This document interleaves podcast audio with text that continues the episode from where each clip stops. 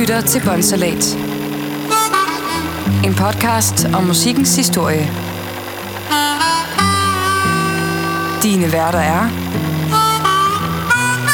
Michael Sinding og Christoffer Josefsen. Ja, Christoffer Josefsen, det er mig. Og jeg er Michael Sending. Hej. Hej. Jeg er helt vild med vores intro. Ja, det er lækkert. Sådan en dejlig kassettebånd. Ja, lige præcis. Ja. Øhm, vi kalder det Bonsalat, og det er fordi, vi dykker ned i musik. Øh, vi Ja. gider ikke lave den store, lange intro, så er det fordi, du ikke har hørt alle afsnittene. Skam dig. Ja. Uh, ja. Det, er, det er faktisk lidt sjovt. Jeg har en sjov, lille sjov historie. Mm. Min, min kærestes søster ja. er ikke så vanvittig gammel. Mm. Hun er 14, Ja. ja. mener jeg. Hun vidste ikke, hvad båndsalat var. Nej, jeg må Øhm, også forklare min søn det på 12. Ja, det er lidt sjovt. Og han har stadigvæk ikke rigtig forstået det. Nej, Hvorfor laver man noget, der kan gå i båndsalat? Altså, ja, lige præcis. Ja. Og så skal man skrue det tilbage med en skrue, altså, hvad hedder det, blyant. Ja, ja. Det er noget fjollet noget. Vi er nogle stykker, der ved, hvad det er. Men altså, konceptet er... Øh, jeg forsøgte faktisk i øvrigt at se, om, hvad, hvad det hedder på engelsk, båndsalat. Det, jeg tror ikke, ordet findes. Tror du ikke engelsk. Nej, jeg kan ikke finde Jamen, det. det, jeg synes, det er ty- typisk for dansk sprog, det er, um, der er bare sindssygt mange ord, som ikke findes på andre sprog. Ja, men så er der også mange ord, som vi ikke har på dansk, hvor vi bruger det engelske. Ja. Nå, øh, det er en anden snak. Øh, vi, øh, det er mig, der har en historie i dag. Ja, det er dig, der er den. Det er mig, som er, der er, det er, der er den. Ja, lige præcis. Øh, og øh, vi skal øh, tilbage i tiden i dag. Nu igen. Nu igen. Øh, er luften ikke lidt tør herinde? Jo. Ja. Jo, jo. Øh, Og det skriger næsten på en øl. det tænker jeg. Øh, jeg har taget øl med igen. Ja. Øh, jeg, er spolt, jeg er stolt øl, ølsponsor af vores podcast. Ja. Jeg har taget, øh, den hedder East Coast. Det er en IPA. Mm. Det er samme mærke som den, vi fik sidste gang. Ja. Og det er den der, den er pakket ind i papir. Den, altså, det ligner, den, ja. den vil være god, gå godt øh, på gaden i New York. Ja, og så er der et folkevogns rugbrød på, på etiketten. Oh. Det er også en lækker bil at kigge på, men en lortebil at have, tænker jeg. Uh, nej, nu bliver jeg sikkert uvenner med nogen. Nej, ja, men det er også noget med de... Øh... Ja, det ved jeg ikke. Det ved jeg heller ikke. Men vi prøver at åbne. Hvis du kan finde ud af, at den der var pakket ind i papir, det var noget bøvl. Det er noget værre lort. Sådan der. Nå, Det lykkes. Hvad skal vi snakke om i dag? Jamen, vi skal, vi skal en tur til øh, USA. Øhm, og øh, der skal vi øh, forbi øh, en fyr. Det er faktisk mere en fyr, vi følger i dag. En, øh, en person, som øh, har været en ekstremt vigtig spiller inden for musikkens verden. Øh, og gjort musikken til det, vi kender den som i dag. Øh, og så alligevel. Øhm, det er en fyr, der hedder Sam Phillips. Øhm, og øh, er nok, hvis ikke den vigtigste, men en af de absolut vigtigste inden for, øh, for skabelsen af rock-historien.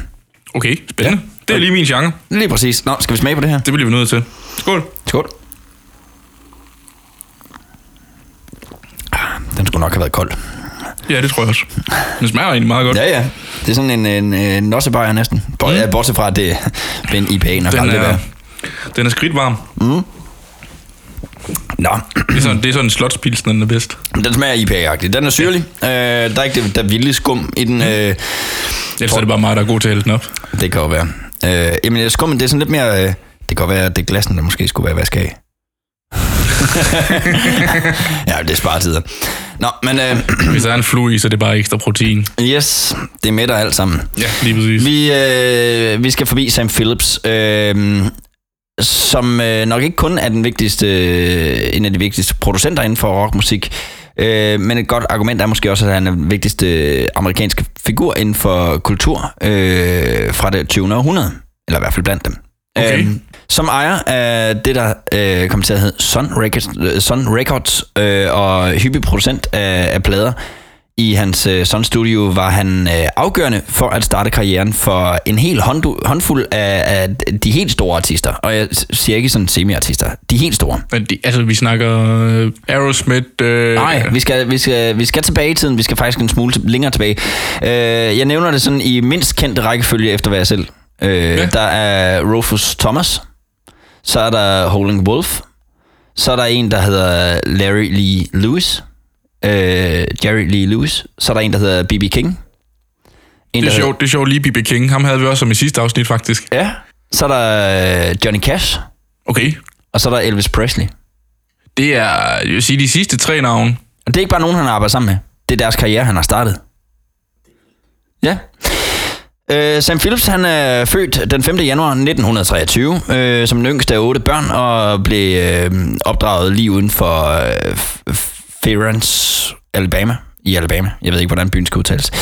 I, i gymnasiet der ledede Phillips øh, skolebandet. Hans øh, tilstedeværelse på scenen, den imponerede faktisk øh, lederen af den lokale radiostation WLAJ Radio. De har nogle sjove navne. De har ja. nogle træls navn derovre. Vi snakkede også om det med, da du lavede om Studio 54. Ja. Ja. navn.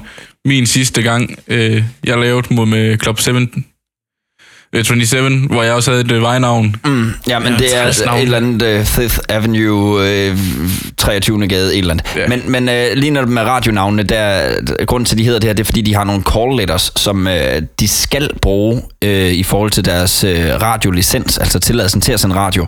Så skal de nævnes uh, præcis klokken helt øh, på alle radiostationer, så man ved, at det er den her radio, den er identificeret her.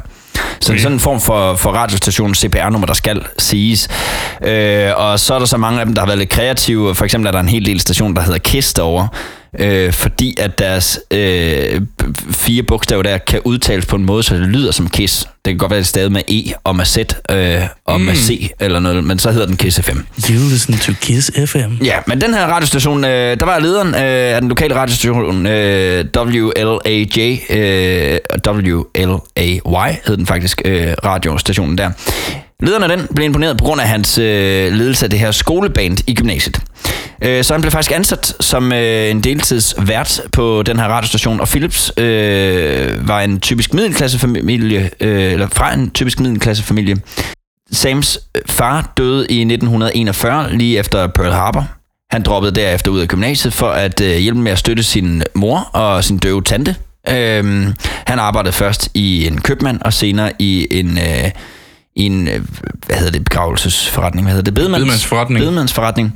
Og det sidste her med bedemandsforretningen, det viste sig faktisk at øh, give ham nogle ret gode skills i forhold til at øh, håndtere folks følelser og lære og, og noget omkring menneskers følelser, og hvordan det kan bruges øh, blandt andet også i musikken. Øhm, Ja, det er det sjove med bedemænd. De er jo fandme næsten psykologer samtidig. Mm, Ja, og forretningsmand. Det er altså det er en mærkelig ting at tjene penge på. Tjene penge på døde mennesker. Jamen, der er også dem, der er her op imod øh, den helt store øh, covid-19, der, der, altså det virker jo sådan lidt, lidt kolkynisk at spekulere i, jamen jeg skal købe mange kister hjem til en billig pris. Ja. De falder som fluer lige om lidt. Hvor, hvor, hvor kan jeg få et, øh, et stort parti? Måske en lagerhal? Og så viser det, at vi har været ret dygtige til at holde det nede i lang tid, så, så de er jo ikke solgt nok. Øh, solgt nok begravelser. Så, så, så der, er- der er kister på udsalg i januar. Januar er udsalg i kister. Der var jo nogen, der ville have kompensation for, for manglende indtægt, fordi at folk simpelthen ikke dør nok, når folk passer så meget på. Nå, det er en helt anden snak. Det er- det er sygt. Nå, men, men han lærer åbenbart omkring menneskefølelser, Ja, ja, og den koldkyniske side måske også. Øhm, oprindeligt så var Philips, øh, han havde studeret jura, øh, men begyndte på grund af af de her omstændigheder med radioen og det, øh, at gå mere ind i musikkens verden. Han gik derfor til Alabama øh, Polytechnisk Institute, øh, hvor han studerede inden for teknik, herunder lydteknik til radio. Han brød ind i, øh, i, i radiobranchen, startede i radiobranchen i øh, 1940, øh, da han dirigerede øh, og fulgte bandet til en college-koncert. Det imponerede så øh, stationslederen hos øh, den her station nok til, at han altså blev hyret. I 1942 så gifter han sig så med øh, Rebecca Burns. Philips øh, næste radiojob var i tre år ved øh, WMSL i øh, Alabama. Derefter hos øh, WLAC i Nashville, øh, Tennessee. Og til sidst i juni 1945 ved øh, WREC. På den sidste radiostation her, WREC, øh, var han vært for et show, der hed Songs of the West, øh, som øh, dagligt blev sendt øh, kl. 16. Øh, og der var han i stand til at bruge sine tekniske færdigheder, som han havde lært sig. Øh, og der havde han en lidt speciel teknik også, hvor at han øh, i sit program, han øh, spillede sange, som blev sendt øh, til radiostationen, blev der altid sendt sådan nogle øh, promotions, altså øh, pladselskaber, der godt vil promovere en sang. Og jeg håber, man bliver spillet, så sender de den selvfølgelig gratis til radiostationen, og så må de lytte på den, og forhåbentlig spiller de den. Øh, Sam Phillips her, han valgte så at tage pladen, smide den på i radioen, uden at have hørt den først. Så on er, punkt med lortet. Og hvis det spillede, så sang han med på den. Hvis det ikke spillede, hvis det var noget værre crap, Jeg håber lidt, han kunne synge så. Øh, det ved jeg faktisk ikke. Jeg har jo studeret musik. Det kan man ikke synge af. Ja, prøv at, det er der også nogen, der har gjort i dag. De kan fandme ikke få noget at Jeg ved ikke, om han går synge, men han har nynnet med i hvert fald. Ja, ja. Øh, Så, så, så, så kan man mærke, okay, det spiller. Hvis det ikke virkede, så blev pladen der blev flået af afspilleren og klasket mod mikrofonen, så den gik i tu. Og så lå den på gulvet, og så gik han og skillede og smældede i radioen. Sådan lidt en sjov side der, så det lyder faktisk næsten som et program, jeg gerne vil høre. Ja, det kunne være helt hyggeligt. Øhm, og øhm, han arbejder altså på den her radiostation og udvikler sin, øh, sin færdigheder inden for teknik, og også i forbindelse med optagelse for mange af programmerne. De bliver indspillet øh, på, på sådan nogle specielle øh, ruller, øh, eller skiver, sådan en form for, for vinylskive, øh, og duplikeret og sendt til andre radiostationer, sådan at øh, det her program det bliver altså sendt øh, ikke direkte øh, nationalt, men, men, men mange steder på mange stationer. Øh, han tog så også efterhånden af stationens lydeffekter og øh, fandt øh, plader til øh, deres bibliotek, så han blev mere og mere involveret i, i hjertet af radiostationen frem for bare at være den, der, der sidder og announcer. Øh, mens han var ved WA, øh, WREC, var han øh, vært øh, for noget, der hed Sunday Afternoon Tea Dance, hvor han øh, spillede jazz, blues og pop fra Skyway Room på øh, øh, Beer Body Hotel. Øh, showsene blev der sendt faktisk nationalt via øh, den øh, nationale udgave af en radiostation i, øh, i USA, det der nok svarer til Danmarks DR, øh, CBS radionetværk. Så det, CBS, det har jeg hørt om før. ja, ja, det er stort. Tager lige en tår den her. ja. Sådan en skridtvarm IPA. Ja, det er dejligt.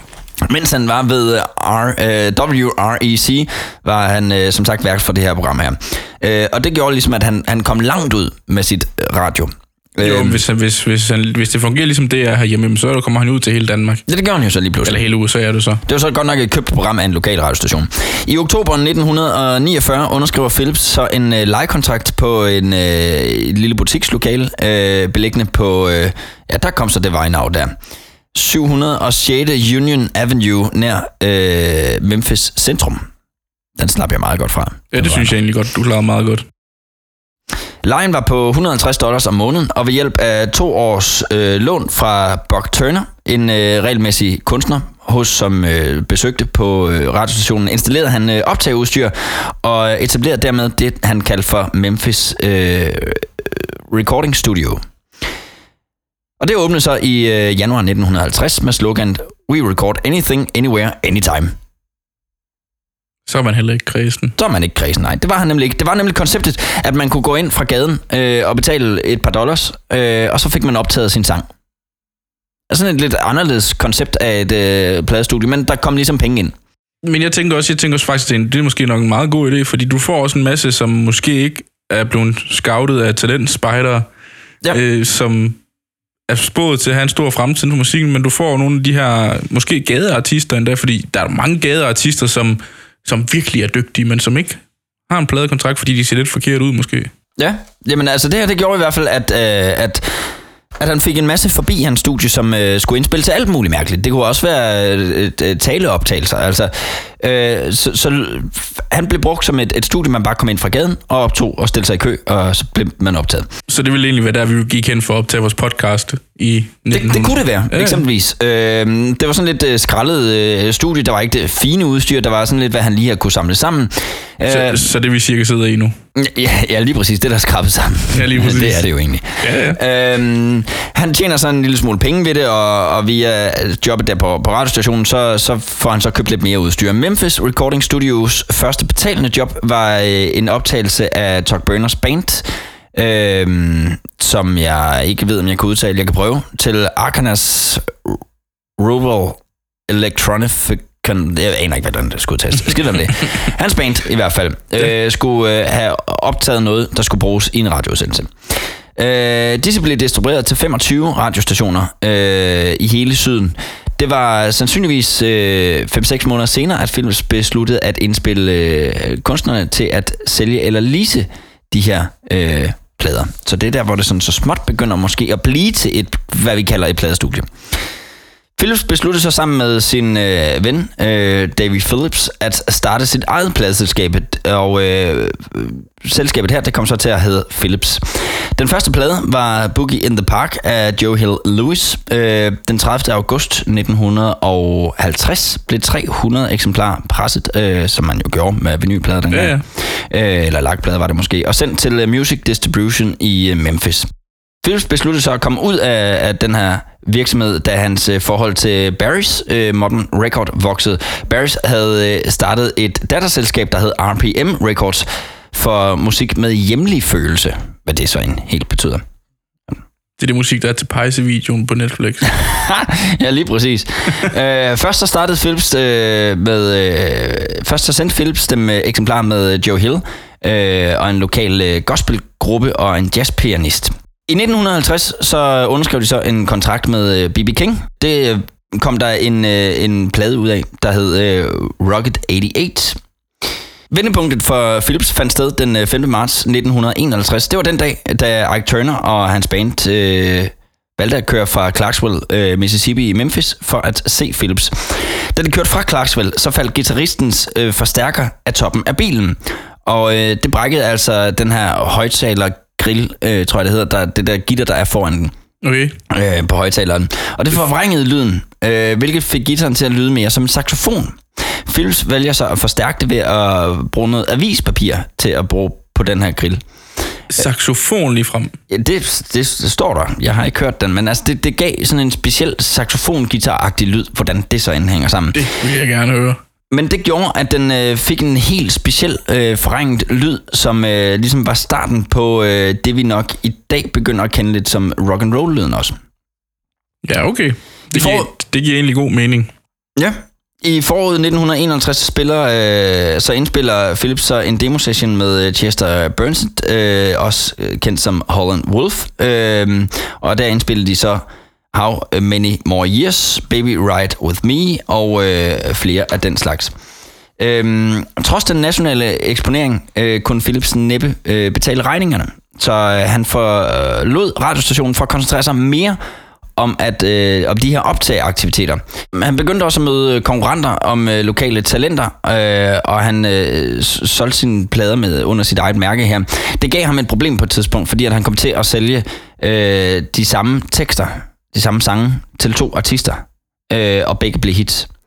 Øh, så det kom der nogle lawsuits ud af. Så det vil sige, at han har solgt øh, Hit Me Baby One More Time til både Britney Spears og Rihanna. Ja, og det er en dårlig idé. Ja, det tænker jeg også. Altså, det, medmindre man regner med, at den ene ikke bliver til noget. Men når de begge to bliver til noget, så er det lidt noget lort.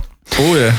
Øh, og, og, og det gav nogle problemer, hvilket gjorde, at han øh, lidt lukkede ned for det her øh, Memphis Recording Studio, og så lavede Sun Studio. Øh, han startede dog bare med navnet Sun. Det gav ham også problemer, fordi at der var allerede nogen, der i Albuquerque i New Mexico havde grundlagt omkring samme tid et øh, firma, der hed Sun. Så det blev til Sun Records, for at gøre en lang historie kort. Ja. I løbet af sommeren 1963, så kommer der en, øh, en ung fyr forbi øh, Memphis Recordings Service, som stadigvæk ligger ulmer lidt der med, at man kan komme ind og betale øh, og optage. Øh, for det, han vil godt lave en øh, plade øh, til hans mor. Øh, to sange. Den skulle, det skulle være My Happiness og This is Where Your Headache Began. Og øh, det var ikke en hvilken som helst fyr, det var Elvis Presley. Jeg som- skulle, jeg skulle lige til at sige, at Elvis Presley, han er der fra Memphis, eller fra, i hvert fald fra Tennessee, hvad hedder det, fra Ja, ja. Mississippi. En lokal gadedreng der. Han skulle lige lave en, en fødselsdagsgave til sin mor. Øh, faktum er, at øh, han kom der om sommeren, og fødselsdagen var om foråret, så det var nok mere sandsynligt, at Elvis i virkeligheden havde lavet de optagelser lidt for at høre sig selv.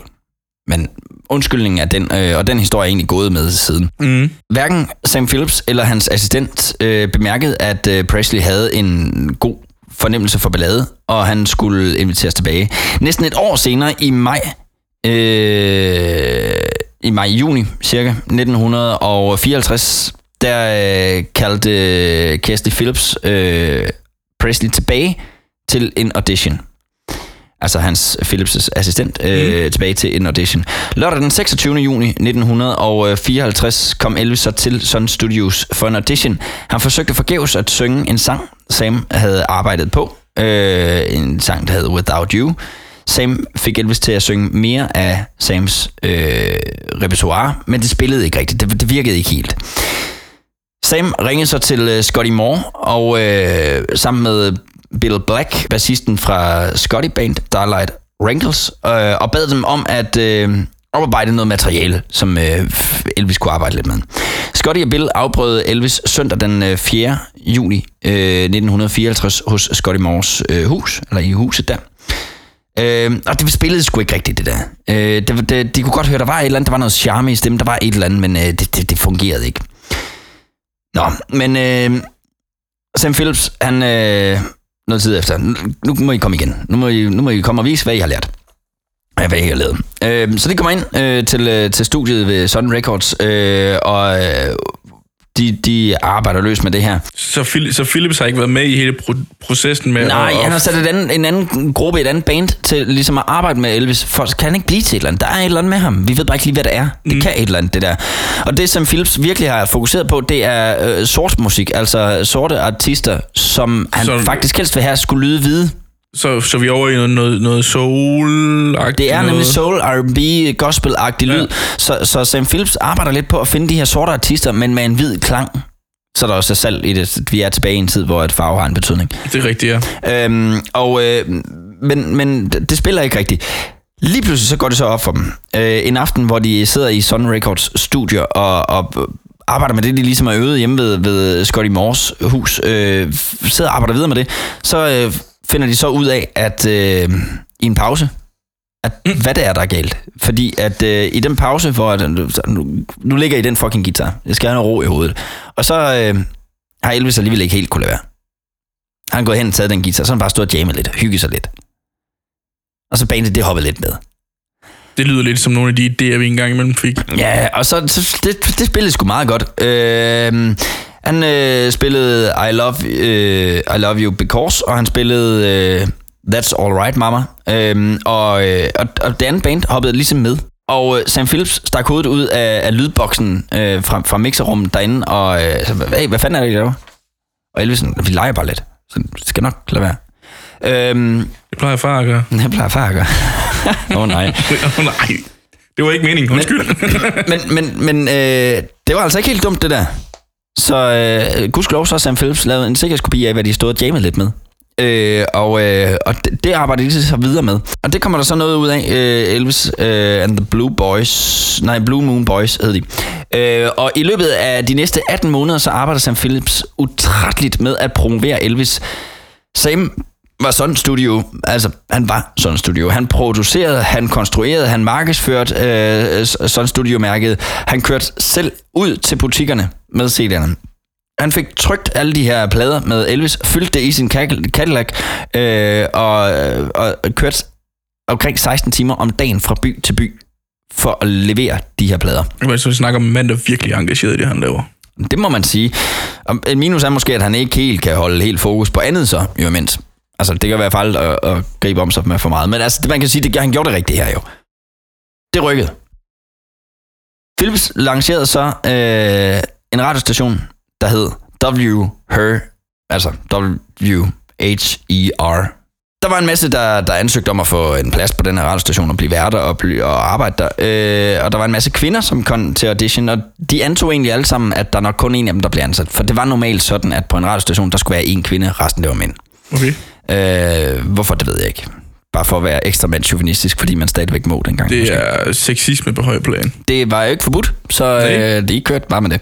Men øh, det viste sig faktisk, at alle kvinderne blev ansat. Øh, eller det var kun kvinder, der blev ansat. Fordi at det, som Philips han havde tænkt her, det er at lave en all-girl radio-format. Altså en station kun med kvinder, til kvinder, for kvinder. Det er jo ikke dumt. Det er overhovedet ikke dumt. Særligt ikke, når det er Elvis, du har i folden. Nej, og man kan så også tænke på, at jamen, største parten af kvinder i den tid gik jo hjemme. Ja. Og det var den allerførste all-girl radiostation i USA.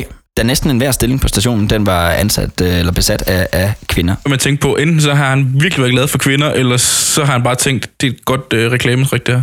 Jeg tror, det, altså, det kan da godt være, det begge dele. Han er bare en liderlig gammel mand. Det, Kan da godt være. altså, det har fungeret med det her koncept, fordi mm. at det her med Elvis' musik, den tiltalte jo kvinder med hans lidt forbudte dans, og med hans øh, smørstemme og alt det her. Der, det var jo øh, en kvindemagnet. Jamen, han var jo en kvindebedår af en anden verden jo. Lige præcis. Altså, han kunne jo trække bukserne af de fleste, fleste kvinder, uden overhovedet at gøre noget. ja, ja, ja, bogstaveligt talt. I november 1955 var Elvis Presley på, på randen af, af at være en, have mega stjernestatus. Han var en øh, regional sensation i hele syden. Musikverdenen øh, brummede med rygter om, hvordan Elvis øh, ville kunne komme ind på den nationale scene. Sam Phillips solgte så faktisk øh, Elvis Presleys kontrakt. Det er godt træk eller skidt træk, det ved man ikke helt. Øh, det startede faktisk med, at hans assistent begyndte at skabe nogle rygter i krogene i branchen omkring, at øh, Elvis han var træt af at være ved Sun Records og, og godt videre okay. og sådan noget. Og Sam Phillips han går så hen til assistenten og siger, hvad fanden laver du? Du er syg, Hvor, hvorfor, hvorfor render du siger sådan noget pis? Øh, og så øh, har assistenten så spurgt, hvad, vil du ikke, øh, vil du ikke sælge ham, eller hvad? Sam Phillips siger, åh, altså, til en rette pris. Og det skete så faktisk, fordi at RCA øh, Victor, et stort øh, pladselskab, kom faktisk forbi og tilbød 35.000 dollars. Nej, det lyder ikke meget. Men det var Nej, faktisk det højeste beløb, der nogensinde er betalt på daværende tidspunkt for en artist. Man skulle, jeg skulle lige sige, man skulle tænke på tiden. Man skal tænke på tiden, og... Altså, Vi er i slut 50'erne, ikke her? Jo, øh, vi er i 55. Ja, 55, ikke? Altså, så, så, så 35.000, der er i midt 50'erne, det er med mange penge. 35.000 dollars. Man kan sige, det er også Elvis Presley. Han kunne godt have kostet mere. Men, Ja. men det er det højeste beløb, der nogensinde er betalt i hvert fald for sige- en artist. Med hans eftermæle, ja, så skulle han have haft betalt mere for ham. Ja, lige præcis. Øh, det gjorde, at øh, Sam, han havde... Øh, han sagde ja. Det gør vi sgu. Det er det første, første menneskesal, der er sket. Nej, det tror jeg fandme ikke. Det, det er sket langt før det. Øhm, han blev i hvert fald solgt.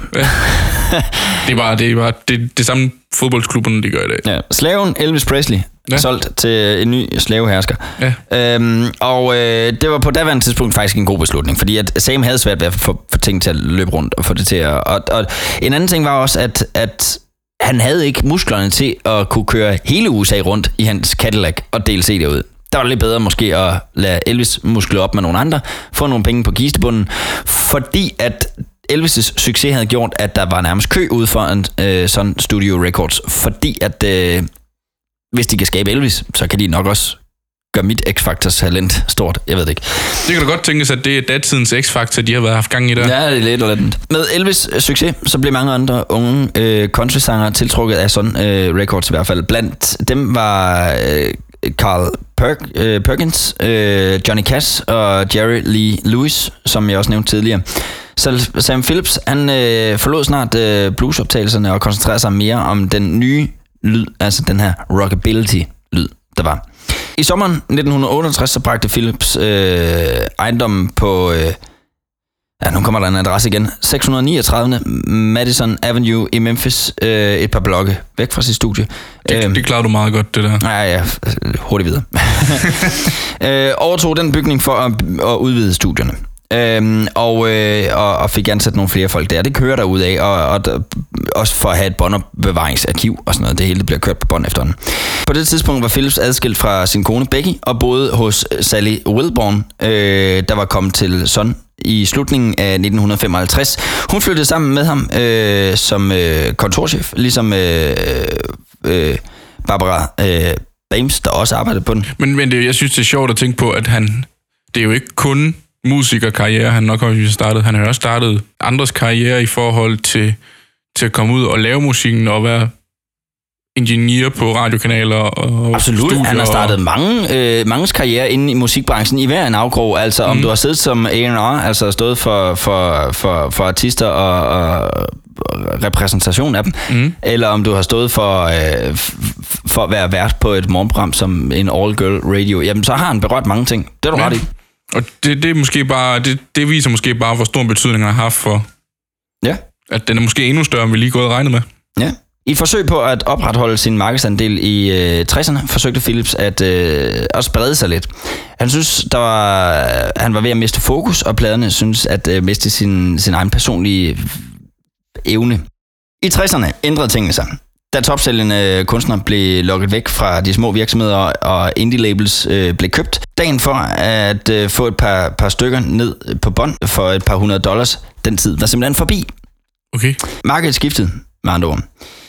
Og siden midten af 60'erne havde Philips øh, modtaget tilbud om at købe virksomheden. Columbia Capital havde været en af dem, der ønskede at få øh, cash-masterne, øh, blandt andet.